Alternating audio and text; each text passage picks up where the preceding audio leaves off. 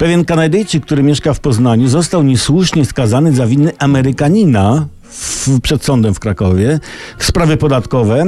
No i ten Kanadyjczyk nazywa się tak samo jak ten Amerykanin, prawda? No wybronił się, ale sąd w Krakowie nakazał Kanadyjczykowi zapłatę części kosztów obrony ponad 5 tysięcy złotych.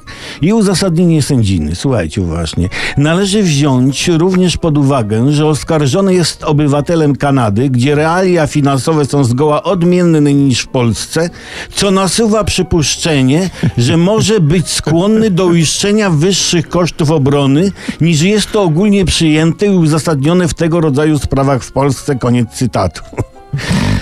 No i w gazecie czytamy, no Kanadyjczyk nie zrobił nic niezgodnego z prawem, ale musi zapłacić za pomyłkę sądu.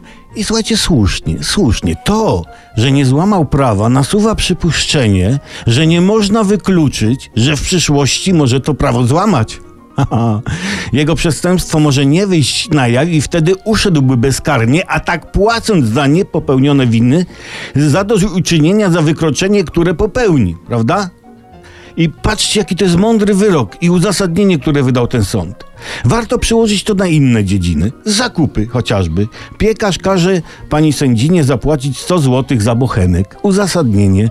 Należy wziąć pod uwagę, że klientka pracuje w sądzie, gdzie realia finansowe są zgoła odmienne niż na przykład w szkole, co nasuwa przypuszczenie, że może być ona skłonna do uiszczenia wyższych kosztów chleba niż jest to ogólnie przyjęte i uzasadnione w tego rodzaju zakupach w Polsce.